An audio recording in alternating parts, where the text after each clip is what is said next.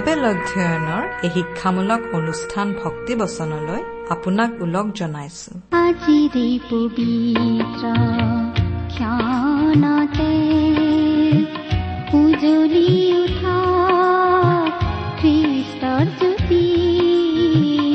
প্ৰিয় শ্ৰোতা আমাৰে সৈতে আজিৰ এই অনুষ্ঠান শুনিবলৈ বহাৰ বাবে আপোনালৈ অশেষ ধন্যবাদ। আপোনাৰ দৰে শ্ৰোতাই আমাক সদায় প্ৰেৰণা যোগায়। এই অনুষ্ঠানটিৰ যোগেৰে আমি আপোনাক লগ পাই থাকিলে আমি বৰ উৎসাহ পাওঁ আমি মানুহ সঁচাকৈ ইজনে আনজনৰ সম্পৰ্কত থাকি বৰ ভাল পোৱা প্ৰাণী। ঈশ্বৰো আমাৰ লগত থাকি বৰ ভাল পায়। সেয়েহে যীশুখ্ৰীষ্টৰ ৰূপেৰে আহি আমাৰ লগত অৰ্থাৎ মানুহৰ লগত বসতি কৰিলে। তেওঁৰ আন এটা নাম ইমানুৱেল অৰ্থাৎ আমাৰ লগত ঈশ্বৰ মানুহৰ লগত ঈশ্বৰ। মানুহ যেন সদায় ঈশ্বৰৰ লগত আৰু ঈশ্বৰ যেন সদায় মানুহৰ লগত থাকিব পাৰে তাৰ বাবে যি বলিদানৰ কাৰ্যৰ প্ৰয়োজন আছিল তাকেই সিদ্ধ কৰিবলৈ প্ৰভু যীশু এই পৃথিৱীলৈ আহিছিল ঈশ্বৰে মানুহৰ লগত থাকিব বিচাৰে। ভাবিলেই ভাল লাগে নহয়নে? এই সময়ত ঈশ্বৰ আপোনাৰ মোৰ লগত আছে। আপুনি যাতে কেতিয়াও অকলশৰীয়া অনুভৱ নকৰে। ঈশ্বৰ আপোনাৰ লগত ইয়াতকৈ ভাল সংগ পৃথিৱীত কি হ'ব পাৰে? এই লগৰীয়া ঈশ্বৰৰ বিষয়ে অধিককৈ জানিবলৈ আহক আজিৰ ভক্তিবচন অনুষ্ঠান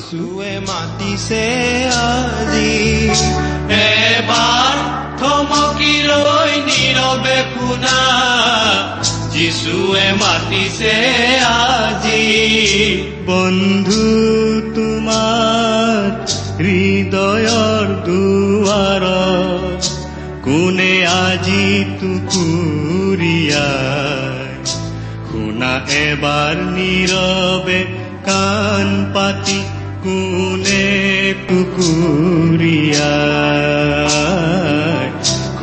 বাৰু টুকুৰিয়াই তোমাক মাতিছে আজি যিচুৱে তোমাক মাতিছে আজি আমাৰ পৰম পবিত্ৰ প্ৰভু যীশুখ্ৰীষ্টৰ নামত নমস্কাৰ প্ৰিয় শ্ৰোতা আপোনাৰ ভালনে বাৰু? আশা কৰো পৰম পিতা পৰমেশ্বৰৰ মহান অনুগ্ৰহত আপুনি ভালে কুশলে আছে। আপুনি আমাৰ এই ভক্তিবচন অনুষ্ঠানটো শুনি আছেনে বাৰু? শুনি কেনে পাইছে? অনুগ্ৰহ কৰি আপোনাৰ মতামত আদি জনাই আমালৈ চিঠি পত্ৰ লিখিবচোন। কিবা জানিবলগীয়া কথা থাকিলেও আমালৈ লিখিব পাৰে। আহকচোন আজিৰ বাইবেল অধ্যয়ন আৰম্ভ কৰাৰ আগতে খন্তেক প্ৰাৰ্থনাত মূৰ দুৱাওঁ হওক। আমি প্ৰাৰ্থনা কৰো স্বৰ্গত থকা অসীম দয়ালু কৰোণাময় পিতা তোমাৰ তুলনা নাই। তোমাৰ প্ৰেম তোমাৰ কৰুণা তোমাৰ অনুগ্ৰহৰ কথা আমি বৰ্ণাই শেষ কৰিব নোৱাৰো। প্ৰভু যীশুৰ যোগেদি তুমি আমালৈ যি অনুগ্ৰহ দেখুৱালা তাৰ বাবে তোমাক অশেষ ধন্যবাদ পিতা। এতিয়া আমি তোমাৰ মহান বাক্য বাইবেল শাস্ত্ৰ অধ্যয়ন কৰিবলৈ আগবাঢ়িছো। তোমাৰ বাক্য তুমিয়েই আমাক বুজাই দিয়া। এই অনুষ্ঠানৰ আৰম্ভণিৰ পৰা শেষলৈকে তুমিয়েই আমাৰ চলাওঁতা হোৱা। অনুষ্ঠান শুনি থকা প্ৰতিজন শ্ৰোতাৰ জীৱনত তোমাৰ মহান অনুগ্ৰহৰ আশীৰ্বাদ প্ৰকাশ পাই উঠিবলৈ দিয়া। তেওঁলোকৰ জীৱন সৰ্বাংগ সুন্দৰ কৰি তোলা। কিয়নো এই প্ৰাৰ্থনা আমাৰ মহান ত্ৰাণকৰ্তা প্ৰভু যীশুখ্ৰীষ্টৰ নামত আগবঢ়ালো।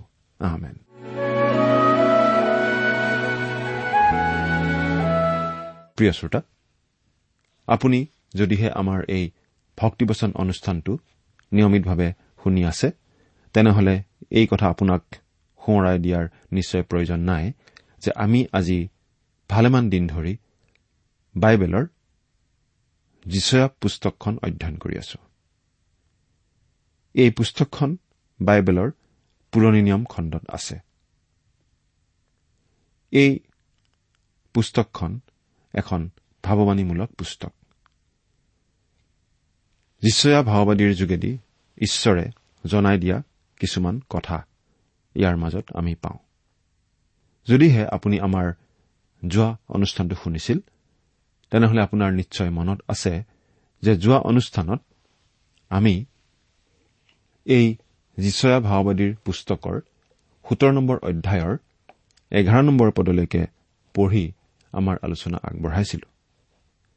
গতিকে আজিৰ অনুষ্ঠানত আমি এই যিচয়া পুস্তকৰ সোতৰ নম্বৰ অধ্যায়ৰ বাৰ নম্বৰ পদৰ পৰা গোটেই ওঠৰ নম্বৰ অধ্যায়টোকেই অধ্যয়ন কৰিবলৈ আগবাঢ়িছো। এতিয়া আমি কিছুমান ভাৰ বাক্যৰ কথা পাই আছো। ভাৰ বাক্য মানে ঈশ্বৰৰ অভিশাপ যে নামি আহিব ঈশ্বৰৰ দণ্ড সাওপাত যে নামি আহিব। সেই কথা জনোৱা কিছুমান ভাৱবাণী বা বাক্য। যিহেতু এইবোৰ গধুৰ বাক্য দণ্ডৰ বাক্য সেইবাবে ইয়াক আমি ভাৰ বাক্য বুলি কৈছো। প্ৰিয় শ্ৰোতা জিচয়াৰ সোতৰ নম্বৰ অধ্যায়ৰ বাৰ নম্বৰ পদৰ পৰা গোটেই ওঠৰ নম্বৰ অধ্যায়টোত কুচিয়া দেশৰ ওপৰত দিয়া ভাৰ বাক্যৰ বিষয়ে আমি পঢ়িবলৈ পাওঁ। কিন্তু এই শাস্ত্ৰাংশখিনিত যিহেতু কোনো জাতি বা দেশৰ স্পষ্ট উল্লেখ আমি নাপাওঁ সেয়েহে বাইবেল শিক্ষকসকলৰ মাজত এই বিষয়ে যথেষ্ট মতভেদ দেখিবলৈ পোৱা যায়।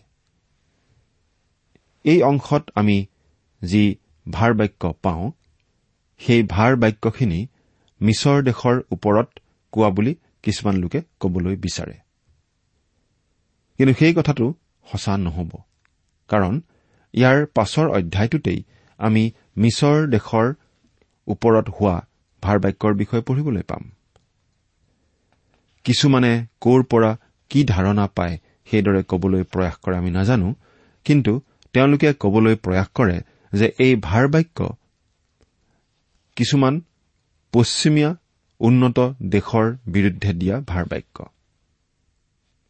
সেই দেশকেইখনৰ নাম আমি উল্লেখ কৰা নাই কিন্তু পশ্চিমীয়া বিশেষকৈ দুখন উন্নত ৰাষ্ট্ৰৰ বিৰুদ্ধে এই ভাৰ বাক্য ইয়াত দিয়া হৈছিল বুলি কিছুমানে ক'ব খোজে।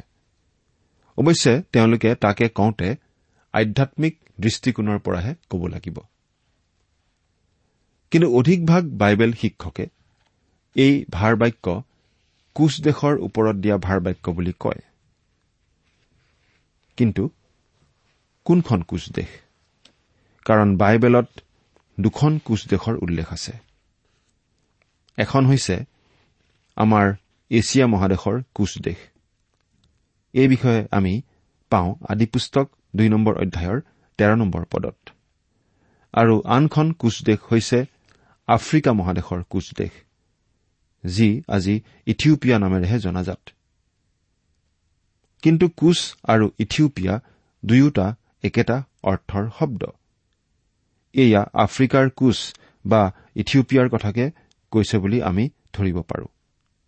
অৰ্থাৎ এই ভাৰ বাক্য আফ্ৰিকাৰ কোচ দেশৰ বিৰুদ্ধে কোৱা ভাৰ বাক্য কাৰণ ওঠৰ নম্বৰ অধ্যায়ৰ প্ৰথম পদতেই কোৱা হৈছে কোচদেশীয় নদীবোৰৰ সিপাৰে থকা। এইবুলি উল্লেখ কৰা হৈছে। ইয়াত নদীবোৰ মানে হৈছে নীল নদী। এতিয়া সেয়েহে আমি সোতৰ নম্বৰ অধ্যায়ৰ বাৰ নম্বৰ পদৰ পৰা চৈধ্য নম্বৰ পদলৈকে প্ৰথমতে পাঠ কৰো। আহকচোন। যদিহে আপোনাৰ লগত বাইবেল নাই অনুগ্ৰহ কৰি শুনি যাব। আমি পাঠ কৰি দিম সোতৰ নম্বৰ অধ্যায়ৰ বাৰৰ পৰা চৈধ্য নম্বৰ পদ। ইয়াত এনেদৰে লিখা আছে শুনা সেয়া সমুদ্ৰৰ গৰ্জনৰ নিচিনাকৈ গৰ্জন কৰা অনেক লোকসমূহৰ কোলাহল।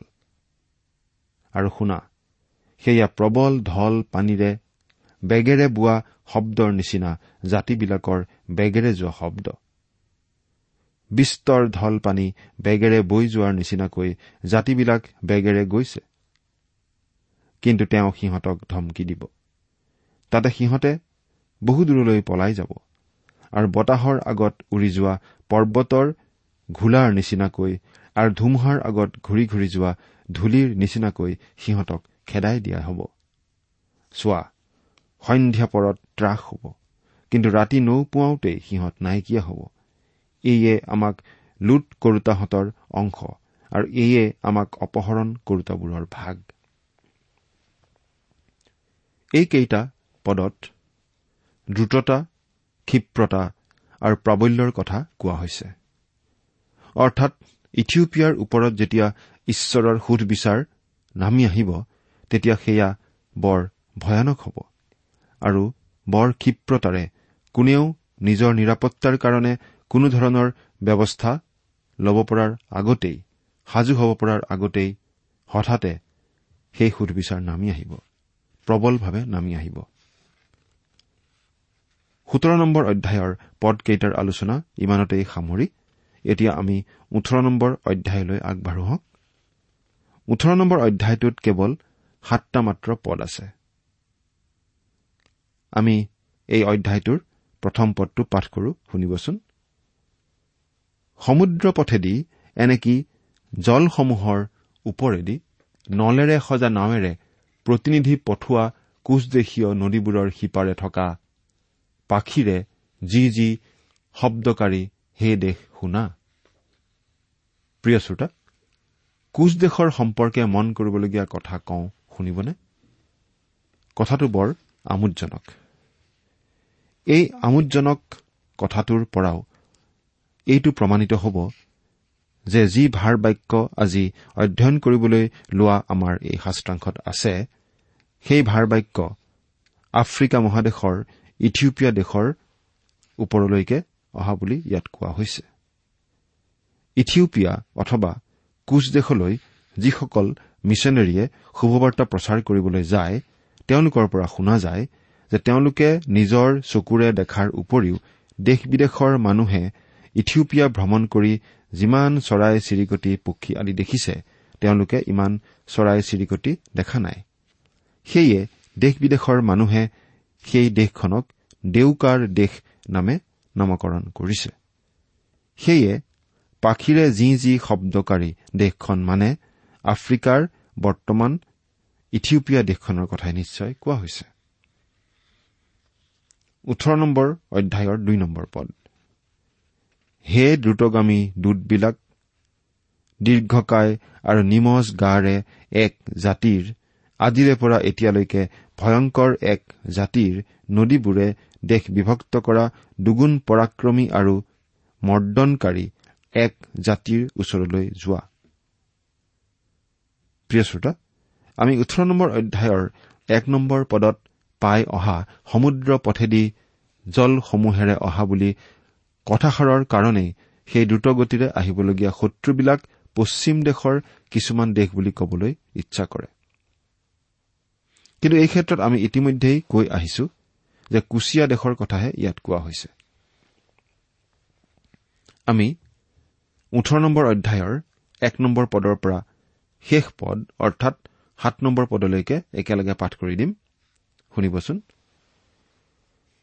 সমুদ্ৰ পথেদি এনেকি জলসমূহৰ ওপৰেদি নলেৰে সজা নাৱেৰে প্ৰতিনিধি পঠোৱা কোচদেশীয় নদীবোৰৰ সিপাৰে থকা পাখিৰে যি যি শব্দকাৰী হে দেশ শুনা।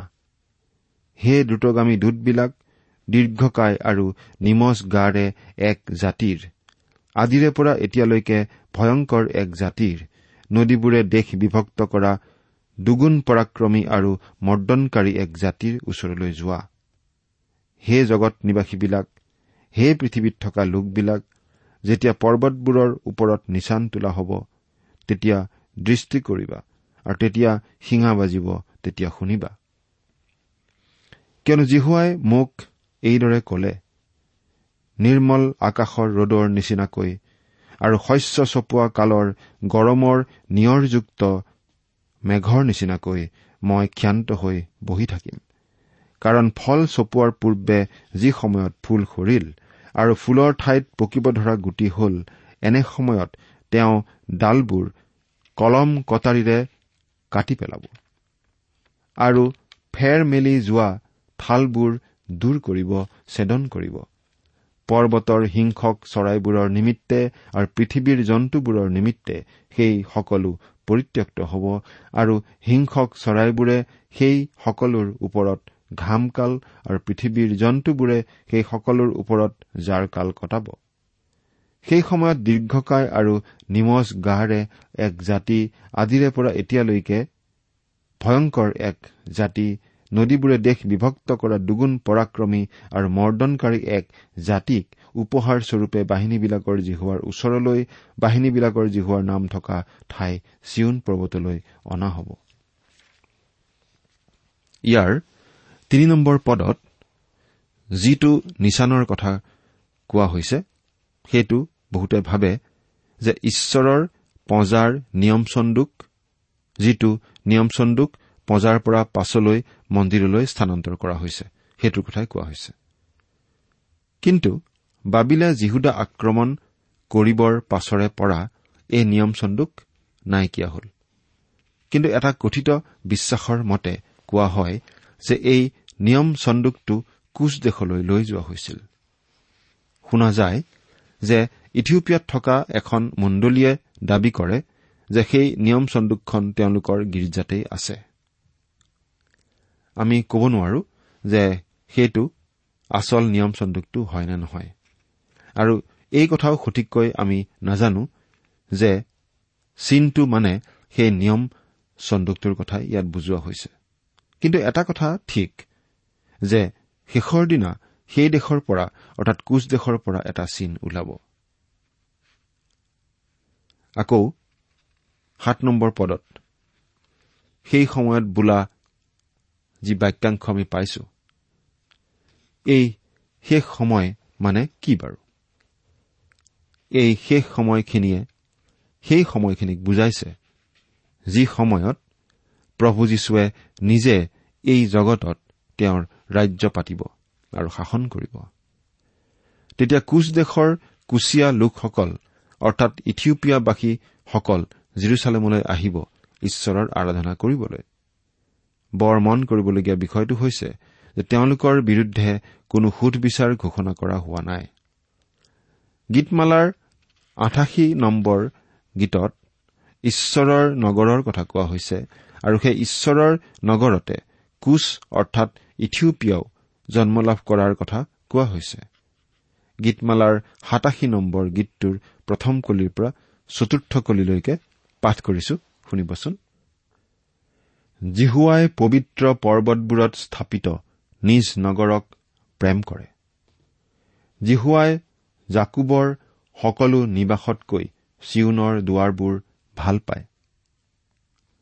হে ঈশ্বৰৰ নগৰ তোমাৰ বিষয়ে অনেক গৌৰৱৰ কথা কোৱা হৈছে।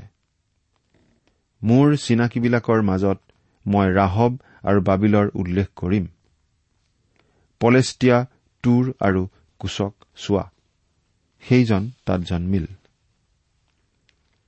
কুচৰ বিষয়ে কবলৈ ঈশ্বৰৰ বহুতো ভাল কথা আছে। কোচ দেশৰ বিষয়ে কবলৈ ঈশ্বৰৰ ভাল কথা থকাৰ দৰে আপোনাৰ আৰু মোৰ বিষয়ে ভাল কথা কবলৈ ঈশ্বৰৰ কিবা থাকিবনে বাৰু? এই প্ৰশ্ন আমি নিজকে কৰি চোৱা উচিত। আপোনাৰ আৰু মোৰ বিষয়ে কিবা ভাল কথা কবলৈ ঈশ্বৰৰ থাকিবনে বাৰু? আমি যদি নিজে নিজক পৰীক্ষা কৰি চাওঁ তেতিয়াহ'লে আমি জানো যে আচলতে আমাত একো ভাল নাই। বাইবেলত কৈছে যে আমাৰ ধাৰ্মিকতা ঈশ্বৰৰ দৃষ্টিত চোৱা হোৱা লেতেৰা ফটা কাপোৰৰ নিচিনা মাত্ৰ। আমি যেতিয়া এজনে আনজনৰ লগত নিজক তুলনা কৰি চাওঁ তেতিয়া হয়তো কিছুমানৰ তুলনাত আমাৰ নিজকে ভাল যেন লাগিব পাৰে। আমি যেতিয়া আনৰ লগত নিজক তুলনা কৰো তেতিয়া হয়তো আমাৰ নিজৰ গাত বিশেষ একো দুখ দেখা নাপাওঁ। আৰু মানুহৰ স্বভাৱেই এইটো যে সদায় আমি আনৰ দুখ দেখা পাওঁ কিন্তু নিজৰ দুখ আমাৰ চকুত নপৰে।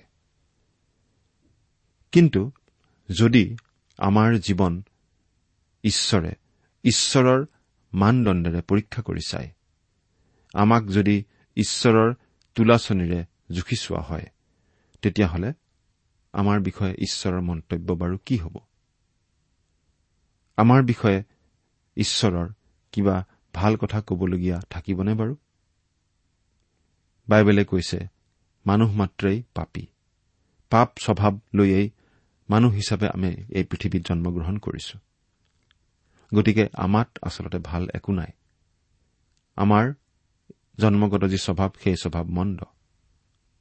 গতিকে আমাৰ বিষয়ে আচলতে ভাল কবলগীয়া ঈশ্বৰৰ একো নাই। কিন্তু অতি আনন্দৰ কথা কি জানেনে প্ৰিয় শ্ৰোতা? আমি যিসকল লোকে প্ৰভু যীশুত বিশ্বাস কৰিছো। যিসকল লোকে প্ৰভু যীশুক বিশ্বাস কৰি তেওঁকেই পৰিত্ৰতা বুলি গ্ৰহণ কৰিছো সেই সকলো লোকৰ বিষয়েই ঈশ্বৰৰ কবলগীয়া ভাল কথা থাকিব। কথাটো আকৌ এবাৰ দোহাৰিছো কিয়নো এইটো এটা গুৰুত্বপূৰ্ণ কথা। আমি যিমানবিলাক লোকে প্ৰভু যীশুক আমাৰ ত্ৰাণকৰ্তা বুলি গ্ৰহণ কৰিছো তেওঁত আশ্ৰয় লৈছো আমাৰ বিষয়ে যেতিয়া ঈশ্বৰে কিবা কবলগীয়া থাকিব ভাল কথা নিশ্চয় থাকিব। কিন্তু কিহৰ ভিত্তিত বা আমাৰ কি থাকিব দেখি ঈশ্বৰে আমাৰ বিষয়ে ভাল কথা ক'ব? এই প্ৰশ্নৰ উত্তৰ আমি পাওঁ যেতিয়া আমি মুঠিয়ে লিখা শুভবাৰ্তা পঁচিছ নম্বৰ অধ্যায়ৰ একত্ৰিশ নম্বৰ পদৰ পৰা চল্লিছ নম্বৰ পদলৈকে পাঠ কৰো। মুঠিয়ে লিখা শুভবাৰ্তা পঁচিছ নম্বৰ অধ্যায়ৰ একত্ৰিশ নম্বৰ পদৰ পৰা চল্লিছ নম্বৰ পদলৈকে আমি পাঠ কৰো। চাওঁচোন।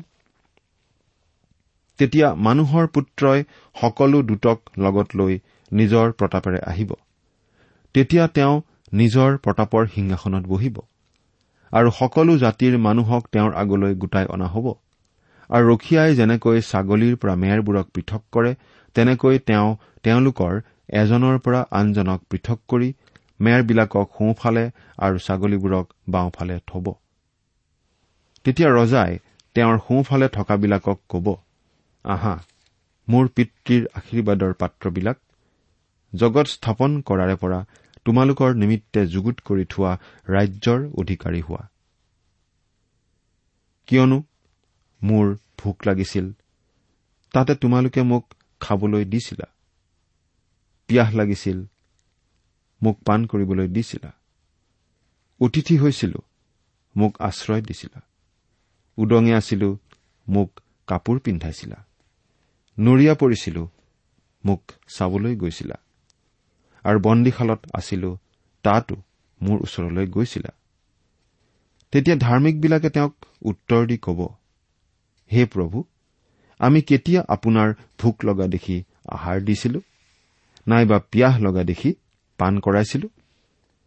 আমি কেতিয়া আপোনাক অতিথি হোৱা দেখি আশ্ৰয় দিছিলো নাইবা উদঙে থকা দেখি কাপোৰ পিন্ধাইছিলো আৰু আমি কেতিয়া আপোনাক নৰিয়া পৰা বা বন্দীশালত থকা দেখি আপোনাৰ ওচৰলৈ গৈছিলো তেতিয়া ৰজাই উত্তৰ দি তেওঁলোকক কব মই তোমালোকক স্বৰূপকৈ কওঁ মোৰ এই ভাইবিলাকৰ মাজৰ সৰু এটিলৈকো যি কৰিছিলা তাক মোলৈকেহে কৰিছিলা। এয়া আমি পাঠ কৰিলো। মুঠিয়ে লিখা শুভবাৰ্তা পঁচিছ নম্বৰ অধ্যায়ৰ একত্ৰিশৰ পৰা চল্লিছ নম্বৰ পদ।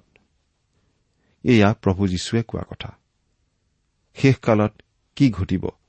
সেই বিষয়ে বৰ্ণনা কৰোতে প্ৰভু যীশুৱে এইখিনি কথা শিষ্যসকলৰ আগত কৈছিল। এইখিনি কথাৰ পৰা আমি বহুতো কথা শিকিব পাৰো কিন্তু বিশেষকৈ ইয়াত আমি দুটা কথাৰ ভিত্তিত আপোনাৰ বা মোৰ ভাল কথা কবলগীয়া যে ঈশ্বৰৰ কিবা থাকিব সেইটোহে চাব খুজিছো।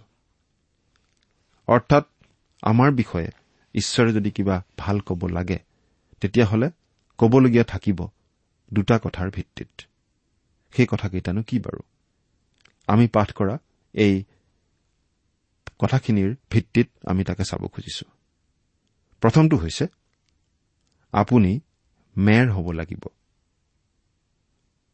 কেনেকৈ মেৰ হ'ব পাৰি বাৰু?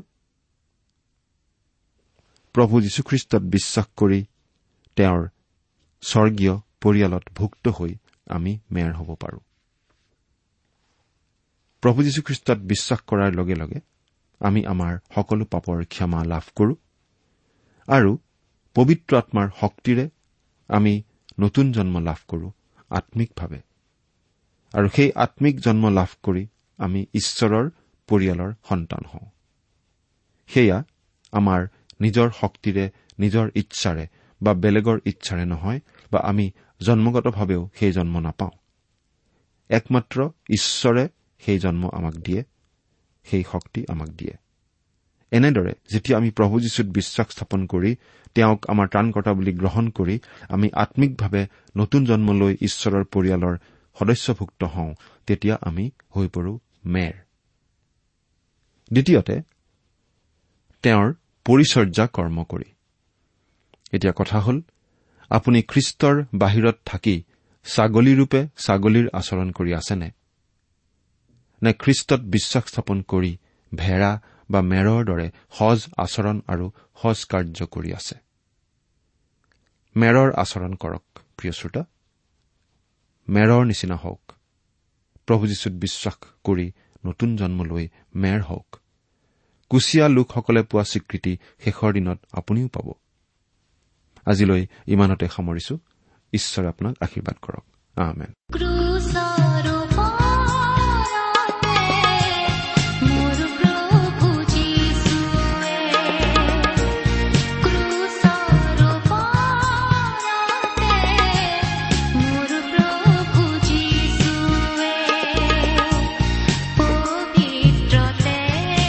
প্ৰিয় শ্ৰোতা ইমান পৰে আপুনি বাইবেল শাস্ত্ৰৰ পৰা ঈশ্বৰৰ বাক্য শুনিলে। এই বিষয়ে আপোনাৰ মতামত জানিবলৈ পালে আমি নথৈ আনন্দিত হ'ম। আমি প্ৰস্তুত কৰা বাইবেল অধ্যয়নৰ চিডিসমূহ পাব বিচাৰিলে আৰু অনুষ্ঠানত প্ৰচাৰ কৰা কোনো কথা বুজিব লগা থাকিলেও আমালৈ লিখক। আমাৰ যোগাযোগৰ ঠিকনা ভক্তিবচন ট্ৰান্সৱৰ্ল্ড ৰেডিঅ' ইণ্ডিয়া ডাক বাকচ নম্বৰ সাত শূন্য গুৱাহাটী সাত আঠ এক শূন্য শূন্য এক। ঠিকনাটো আকৌ এবাৰ কৈছো। ভক্তিবচন ট্ৰান্সৱৰ্ল্ড ৰেডিঅ' ইণ্ডিয়া ডাক বাকচ নম্বৰ সাত শূন্য গুৱাহাটী সাত আঠ এক শূন্য শূন্য এক।